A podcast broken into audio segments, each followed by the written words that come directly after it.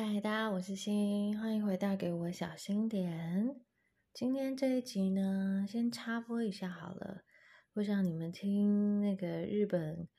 关系自由行，应该也听得有点腻了吧？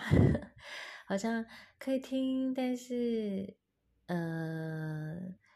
暂时还没有那么快可以去吗？我也不晓得。当我在分享旅游的。那个心得的时候，不知道你们听得的感想是什么？所以呢，我就今天先来插播一集，嗯，今天的有感而发。我现在正在敷着我的黄金面膜，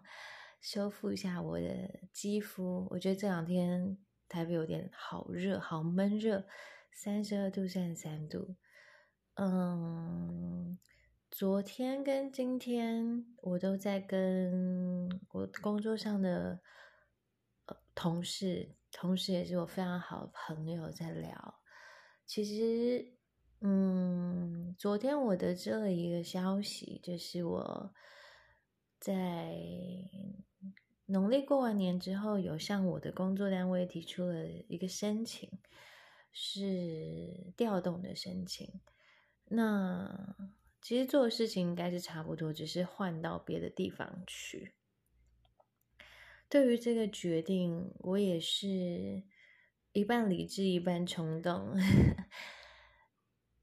非常非常复杂跟纠结的一个状态。坦白说，就是受够了在某一个地方，就是受了很多的气呀。总嗯，但你也不能说。你没有完全的，嗯，留下来的理由，可是就是，就是会觉得啊，如果我有一个机会，我可不可以提出申请？这样，那申请的程序有一点繁杂，也需要准备一些东西，那都在我出去东欧跟日本之前，必须火速完成。所以其实今年的上半年度，哎，真的像五月多了嘛？上半年度我人生有蛮多的很大的，而且是具体的、具体事实的大变化。那提出申请调动这件事情会不会成功？这没有人说的准，通常失败几率蛮高的啦，因为就是很复杂。那。我昨天就知道了那个结果，那结果是没有成功。我我当下的感觉是什么？其实当下几乎是很平静的，没有什么没有什么起伏，或是心理上的涟漪。可能我做好很多的心理准备，说大概是九成九九九九九的几率不太会成功。那如果上天决定让我成功，我就会换到一个环境去试试看。那对我来说，会是真的是非常浩大的工程。比如说，我要搬家，然后我要重新适应整个新的城市的氛围，不是只是换到呃另外一区而已，可能是新的城市的一个氛围。所以，对于他的成功与否，我自己也蛮忐忑的。那昨天得知了这个消息之后，我是很平静的，甚至是有一点松了一口气，松了一口气，包含我 可以不用急着搬家，然后好像整个二零二三年都在 都在一直在不停的在变动，好像逼迫自己在变动这样，嗯，但也觉得啊，那我又会回到了。我当初，嗯，动心起念想要离开、想要逃离的那个环境，我又又又要继续在这样的环境里面赚钱，这样，所以我觉得很真的很复杂，就是人在求得安稳当中，又想要寻求一些改变跟刺激。但他成功的时候，你就必须得，呃马上的去调试跟适应。当他不成功的时候，你又会退回到那个好，就在你的安全的范围，呃，有一点厌烦了跟麻木的那种状态里面，又要再继续的努力。嗯，所以就是昨天知道这个消息之后，身边的人有的人觉得很可惜，有的人觉得没关系啊，再接再厉啊，呃，或者是甚至很高兴你留下来。因为你是一个还蛮不错的人才，很好被 很好被使用。我反正我我我后来发觉到，就是在职场工作了也没有很短的时间，也也有十年以上了，十十多年以上了。虽然我听起来还是很很幼稚啦，就是也是有在职场上滚了滚了滚了滚了 十多年这样，嗯。我才真正的理解到，就是在这么多的那种职场文化啊、工作的经历，我才真正能够理解到，除了你以外的其他的人，不管是同事、你的竞争对手、你的上司，嗯，你的金主，好了，就除了你之外的其他人所。给你的建议，无论你去还是留，还是有什么样的职位的异动，大家都在他们自己的立场上给出他们对他们有利的的建议，跟跟跟他们认为的呃评价。好了。然后你说这不是废话吗？这不大家都知道了吗？就是大家都会为自己讲话。我觉得，当你知道跟你真的亲身的在职场中意识到说，哎，五个人、十个人、二十个人跟你讲的同一件事情，就是你的这个决定跟决策有非常不同的版本。你有时候听一听会被说服，有时候听一听又被激起那个反抗的心。可是。当你真的就夜深人静好好想的时候，就是更没有一个人是为了你着想的。对他们来讲，你的去留与否、你的升迁跟你的异动，都是关乎着他工作好不好过，他顺不顺利，他有没有减轻压力，他有没有更制造更多的麻烦。他那个他根本不管你死活。就是 我刚刚这太激动到那个。整个整个我都不知道我在讲什么话，也就是说，他根本压根不在意你的死活，他只是觉得你的这个移动，你的这个改变关乎他什么。然后这样子的这样子的顿悟，真的是必须要经过很多的血泪，你才说得出这种话，而且不是屁话 哦，对不起，而且不是。而且不是就是冠冕堂皇的说这些道大道理，而是真的真的发自内心的觉得没有人在管你啊，就是没有人真正在乎你，没有人真正 care，因为你的一个改变牵扯到很多的人的话，那那一些人他的生活会产生一些些微的变化。那如果是好的变化，他当然当然乐见其成；如果是不好的变化，他绝对极力的劝退你、说服你，什么什么鬼话都说得出来。所以呢，在新出发出去呃休假的嗯前阵子，就是前前阵子好了，就是在我出发前阵子，我听了非常多的鬼话，这每一个人都极尽所。极尽所能的，呃，突然变得非常能言善道的讲出他那一套，呃，那一套的道理。那如果是叫新以前的个性，我一定是跟他就是当面或者是怎么样在那边辩论，或者是反正反正我不会那么的有好脸色，因为我觉得我的人生关你们什么事？然后你们既然在我的面前大谈特谈的话。那我现在就会学着，哦，嗯，好，这样，嗯，是好，这样，就我再想想，就就会比较收敛不想要让别人知道我真实的、真正的想法。到底我的这个决定，在我还没有决定之前，就不会轻易的透露任何的风声。这也是一种保护自己，因为不管在哪一个职场文化，总是会有很多那个被八卦的可能啊，或者是成为大家那一阵子讨讨论的热度的焦点。就连你人生的、你人生的进程发展，大家都要关心。我真觉得他们的世界 如此如此的小到。关于你就是个人的隐私，我我有时候我真的很无言，就觉得这是一个很无聊的环境，但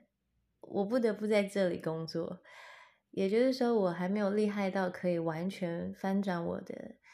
呃工作的场域的时候，我还是一个领薪水呃领 薪水的。死老百姓，然后气愤到我，就讲话，我这集真的是我不会重录，我就是要原汁原味的保留我 讲话一直讲错的这种失误，这样就代表我这样是非常真实的在跟你们分享今天这一集我的我想要讲的话。好，那这是我昨天知道的讯息，也就是下午的时候知道，就在开完无聊的会议之后，我就知道这个讯息之后，我就要立刻的面对了不同的人前来跟我的回应嘛，就是他们也知道消息之后，你就可想而知他们会对我说出什么样的话。哎呀，好可惜呀！哎呀，真棒啊！哎呀，什么之类那类的。OK，所以在应付了这一些。你真的知道他不是真心诚意的跟你回馈的人的这种社交应对的时候，我还是没有太大的、太大的心情起伏。就对于这个事情的结果，就很简单，就是没有就没有，有就有，那那就是就是上天上天给你的答案。或许现阶段还不适合吧。或许现阶段时机还未成熟吧，也或许冥冥之中就是上天他听到了我内在潜在底层的彷徨跟怀疑吧，所以怎么样的决定，怎么样的结果都会是以现阶段来说的最佳结果，就只能这样跟大跟自己自己说，然后我就不用急着再去找。再去找新的新的地点要搬家，因为搬家 是一件非常非常累的事情。那就就就就就这样，好，我的事情就就到这里，我就继续还在消化，因为会有陆陆续续呃其他的同事同仁，嗯，会知道这件这件消息，一定又会跑来跟我 关心个几句话。我我都觉得大家的关心，我一律都是谢谢的跟感恩的。可是很微妙的是，在你在应对他们的时候，你其实是可以很微妙的察觉他们他们所说的加油啊、关心啊、鼓励啊，不是因为在意你这个人。有是很少数的，比如说像我很好很好的同事跟很好很好的朋友，可是大部分的人他给你的回应，你可以感觉得到是，哦，你的离开，啊啊，你的你的失败太棒了，你没有造成我后续的困扰，太棒了，我潜在的威胁暂时解除，就是你可以很微妙的去察觉到，嗯。就是话语当中那个人他显现出来的是什么样的动机？好了，我是一个心思非常细腻的人，可能听的你们会觉得我想太多，但如果我有一个特异功能，我觉得我应该会是有读心术的特异功能，就我差不多我直觉很很准，所以我看一看他们讲的什么话，大家就知道他们心里在想些什么。但无所谓，就日子照过，工作照照做，钱当然要赚啊，这样才能才能继续的吃喝玩乐，享受生活嘛。那今天呢？今天也是在下班之后，原本要比较早一点回家，嗯，因为还在那个声音沙哑，然后还在吃感冒药，所以应该要早点回家休息。可是我就跟我那个很好很好的朋友的同很好很好的朋友同事聊了一下，换他的嗯工作也面临到了一个就是。就是他的职职位啦，就是我们是在同一个场域工作，可是我们是不同不同该怎么讲？我们是不同部门的。好了，那换他要有一个抉择跟抉择跟决定吧。这样，我是完完全全支持支持他做任何的选择，就是。维持在原来的部门，还是去挑战新的部门？而且我也非常了解他的个性，那是很容易顾全大局，想那个想东想西，好像别人觉得谁谁谁不适合，所以他就去接下那个任务。我很不希望他是为了顾全大局，然后牺牲自己最真实的想法，就是。也许还没有准备好，也许还要再熬个一年，再去转换不同的部门，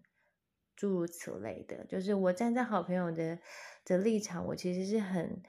很了解他的，但我也不想要去干涉别人他去做他人生的决定。通常这种转换跑道啊，然后就是人生会有很大的一个转折的时候，身为最亲最亲的朋友跟。挚友或者是最亲密的伙伴的时候，我觉得我们能够做的就是不要讲太多，因为选择权永远是是那个当事人，他最终还是要去遵循他内心的呼唤。所以我就跟他聊了将近快两个小时，也就是我 我后来很晚回家。可是因为我们实在是太忙了，所以就没有好好有时间可以谈论彼此，呃，职位上的异动的这件事情。当然，他知道我的我的申请失败了，那他也就鼓励我，也也觉得任何的任何的结果都是目前现阶呃目前现阶段我们还需要的结果。就这不是那种 加油，这样好加油，我们一起努力这种空号的，就是空呃空泛的口号，而是你发你你是知道他他是很真诚的说，我们就继续努力，但是这个努力是在在审在重新的审审慎的思考跟嗯考量，那你下一个年度。你还会不会再做这样子的改变？跟你再提出任何的呃申请的异动啊，或者是你再想要去挑战其他的，就是再让自己准备一年。我觉得这种最最真实且最嗯，应该是说这才是很要好的朋友。会说的话，那昨天的我 听了他讲的这番发自内心的想法的话，回馈给我。今天换我，嗯，回馈给他。我觉得在职场上要遇到是真的的朋友是很难的，因为职场没有朋友。很幸运的，我们是。我们是一起工作的伙伴，然后也是生活中很好的朋友，也有一起出国，一起去学，呃，又又啪嘴了，一起去学潜水，嗯，所以，所以就算工作的啊部门有时候立场有一些矛盾，我们都可以就事论事，这是我觉得很难得的。我们是成熟的大人，也很相互珍惜彼此。那他遇到的困难，我觉得在现在的职场上也是很常遇到。就是当他有一个什么样的什么样的资资格的时候，因为像现在蛮多的公司啊，蛮多的企业，好了，除非你是嗯自自媒体啊，或者是就是自己是老板，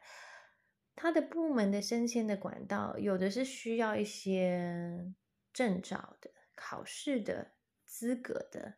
要要经过，真的是去取得，而不是说空降部队，然后或者是光凭年资累积，然后晋升上去的。那我这个朋友他是有取得了一个资格之后，所以他是有这样的资格，可以去这个部门去当某个主管阶级的人。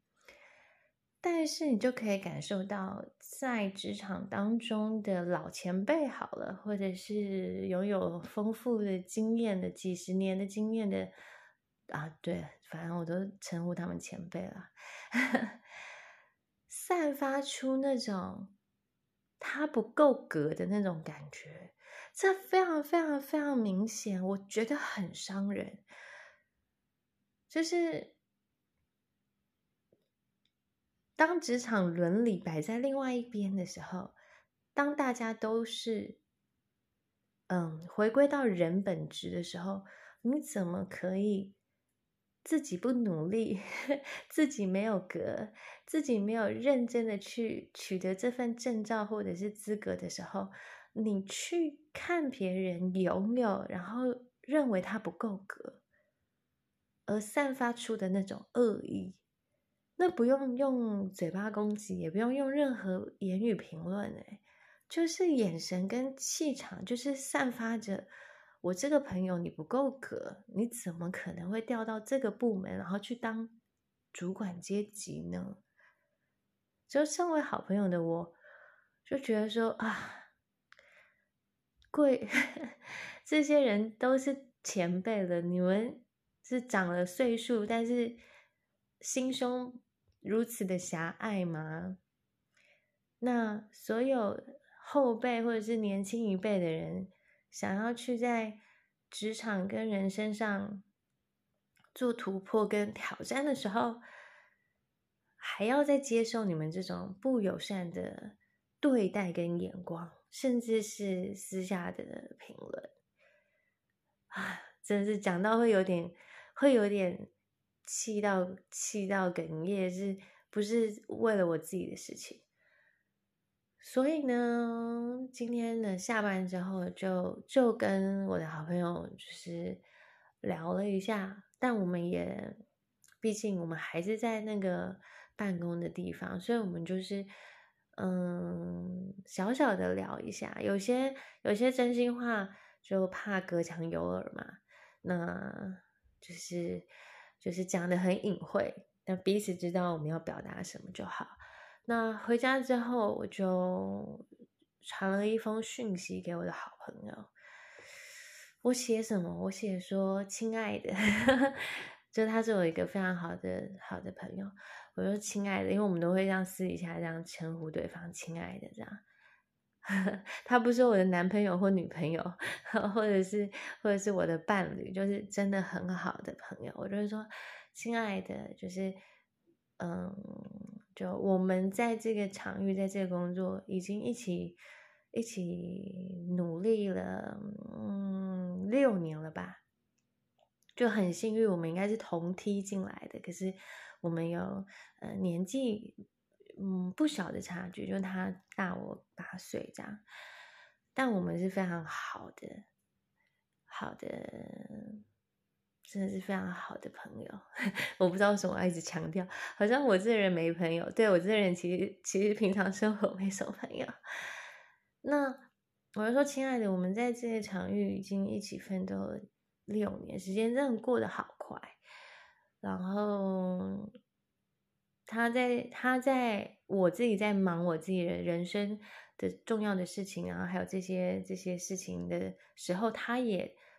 他也手上有非常多的任务跟工作，然后甚至是进修跟考取他想要，就是他他考到了这个资格这样，所以他也是非常忙，所以我们变得几乎没有像以前一样可以下班一起去吃个东西、喝个东西这样，然后假日可以去逛一逛啊，甚至是去去小旅行啊，就闺蜜小旅行那种也没有，就真的真的很忙，只有在工作的时候可以可以碰个面、碰面，然后讲一下呃工作上可能会遇到的事情，如果有。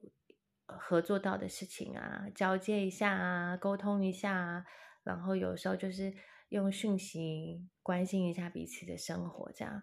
就真的真的最近半年几乎都没有没有真的是 去外面哪一个餐厅坐下来好好吃美食拍照这样，所以我就即便已经讲了一个一两个小时的话，我回家还是就是。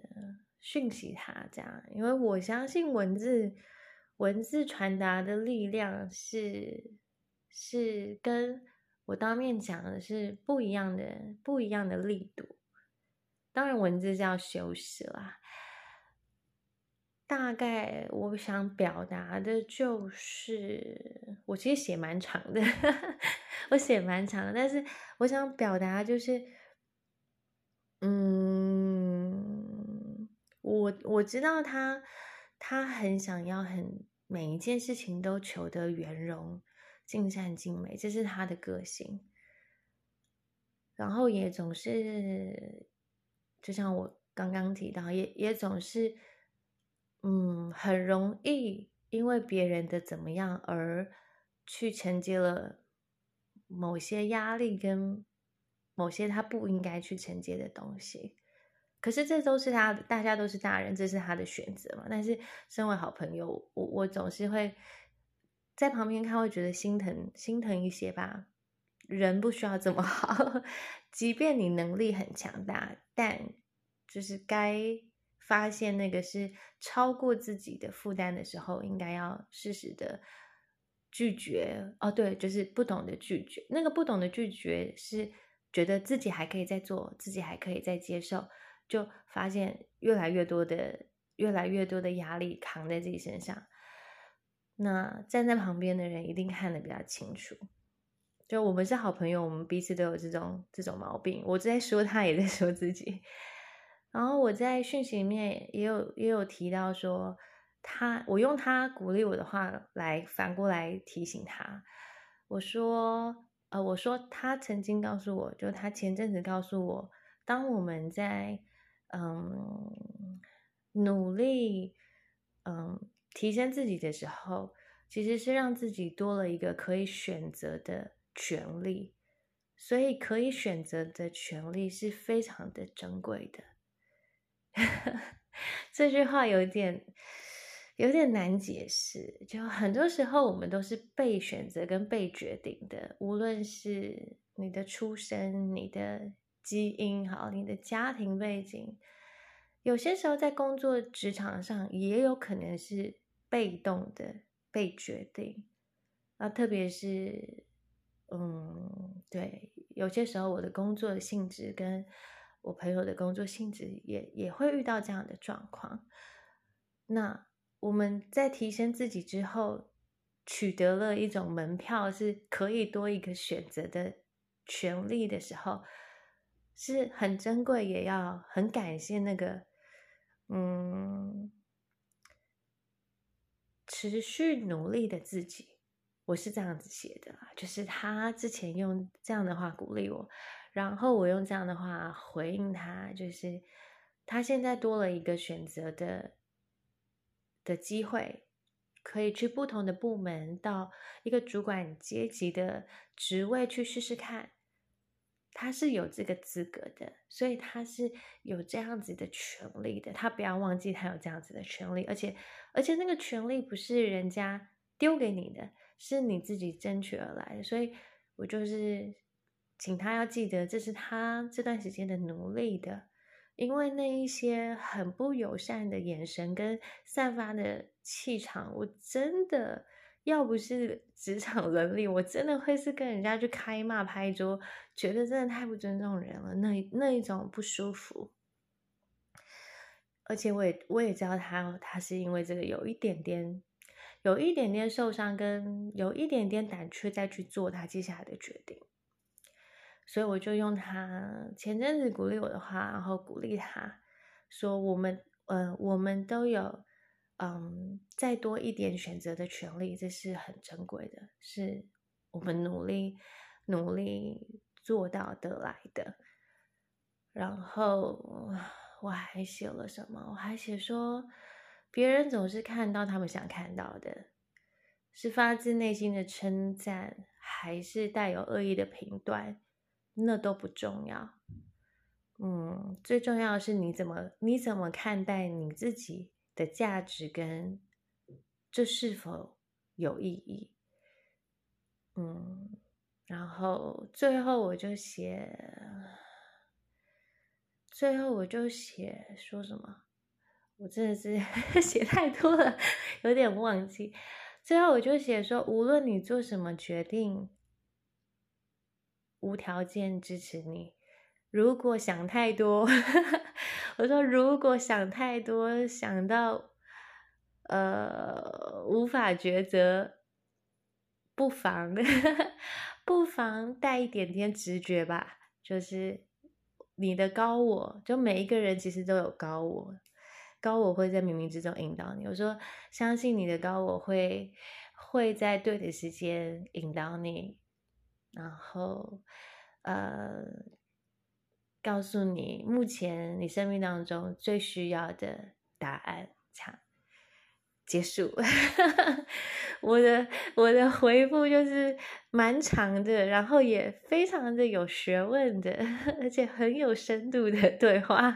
不是那种加油，亲爱的，你一定可以的这种屁话，我才不会讲。而且我也最讨厌看到这种屁话，就是这完全无关紧要啊！你要给人家鼓励跟给人家建议，就是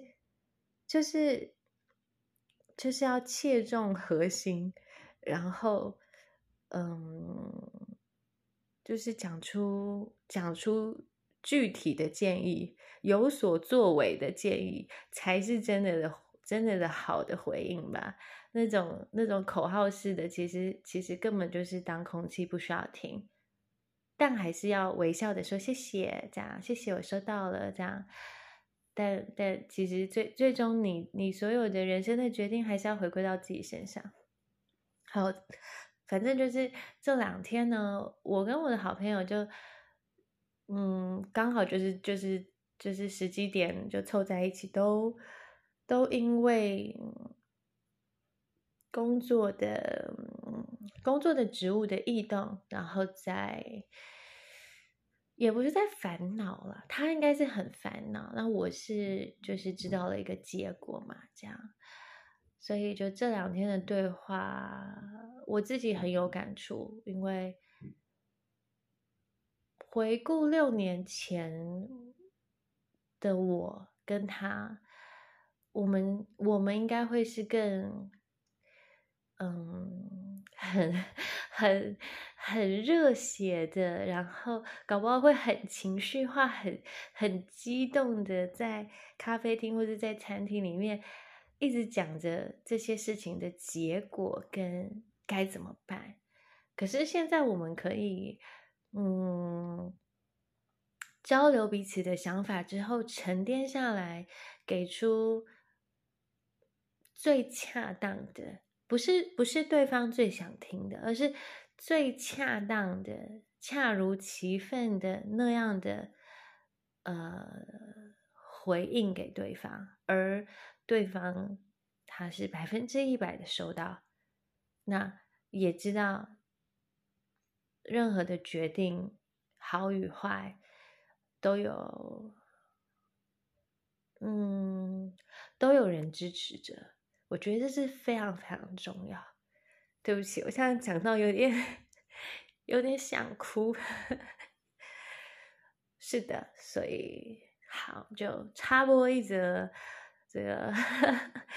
这两天的工作有感，跟大家分享一下。不晓得你们在生活上，或是特别是在职场上，有没有这样子的经验？嗯，就是面临一个很重大的改变，调动申请，然后巴拉巴拉巴拉这一类的，然后你们所遇到的状况是什么？希望有有一些共鸣喽。嗯，就算没有，也就当做听听看 每一个呃职场文化会发生的事情，大部分都大同小异啊，就是比宫斗剧还要再抓马的事情也有啊，然后也是也有那种很菜市场的那种感觉的都有，怎么样的职场文化都有，但我觉得能能够遇到，嗯，既是工作上的伙伴跟。嗯，又是生命当中很要好的朋友，是我觉得可能是千万分之一的的几率，所以，所以就是，嗯，除了珍惜之外，就只有珍惜这样。那希望我们都可以，嗯，就我我的事情是是是抵定了嘛，就是。没有没有要离开，就继续继续在原来的职场呃场域里面继续继续上班，不需要讲那么冠冕堂皇，就是继续上班。那我希望他在经过几天的的思考之后，可以做出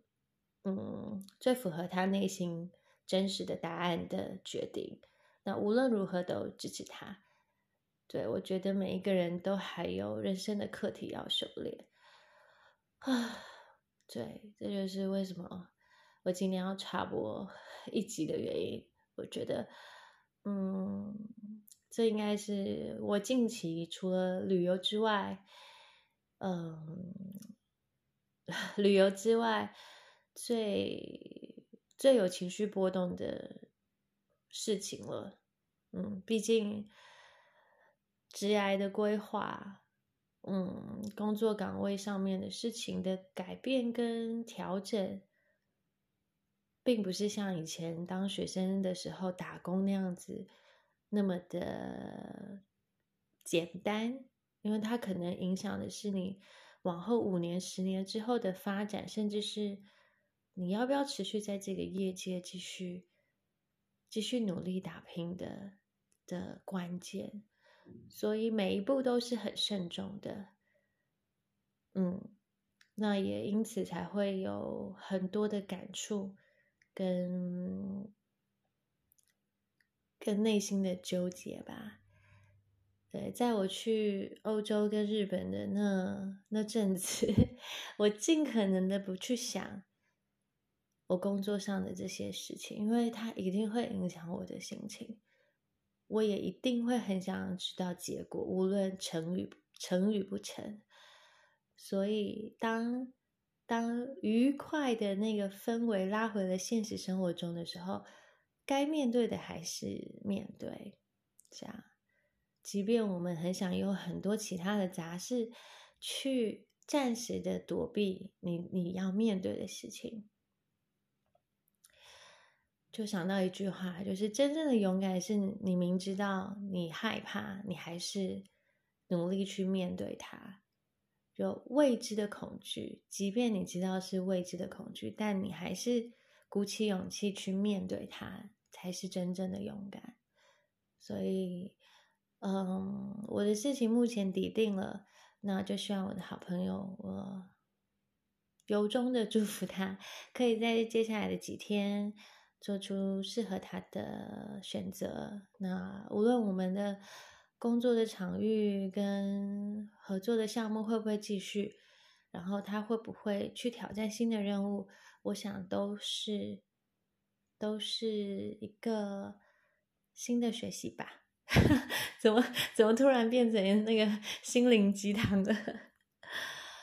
很不好意思，刚刚在这一节这一节节目的当中呢。嗯，不止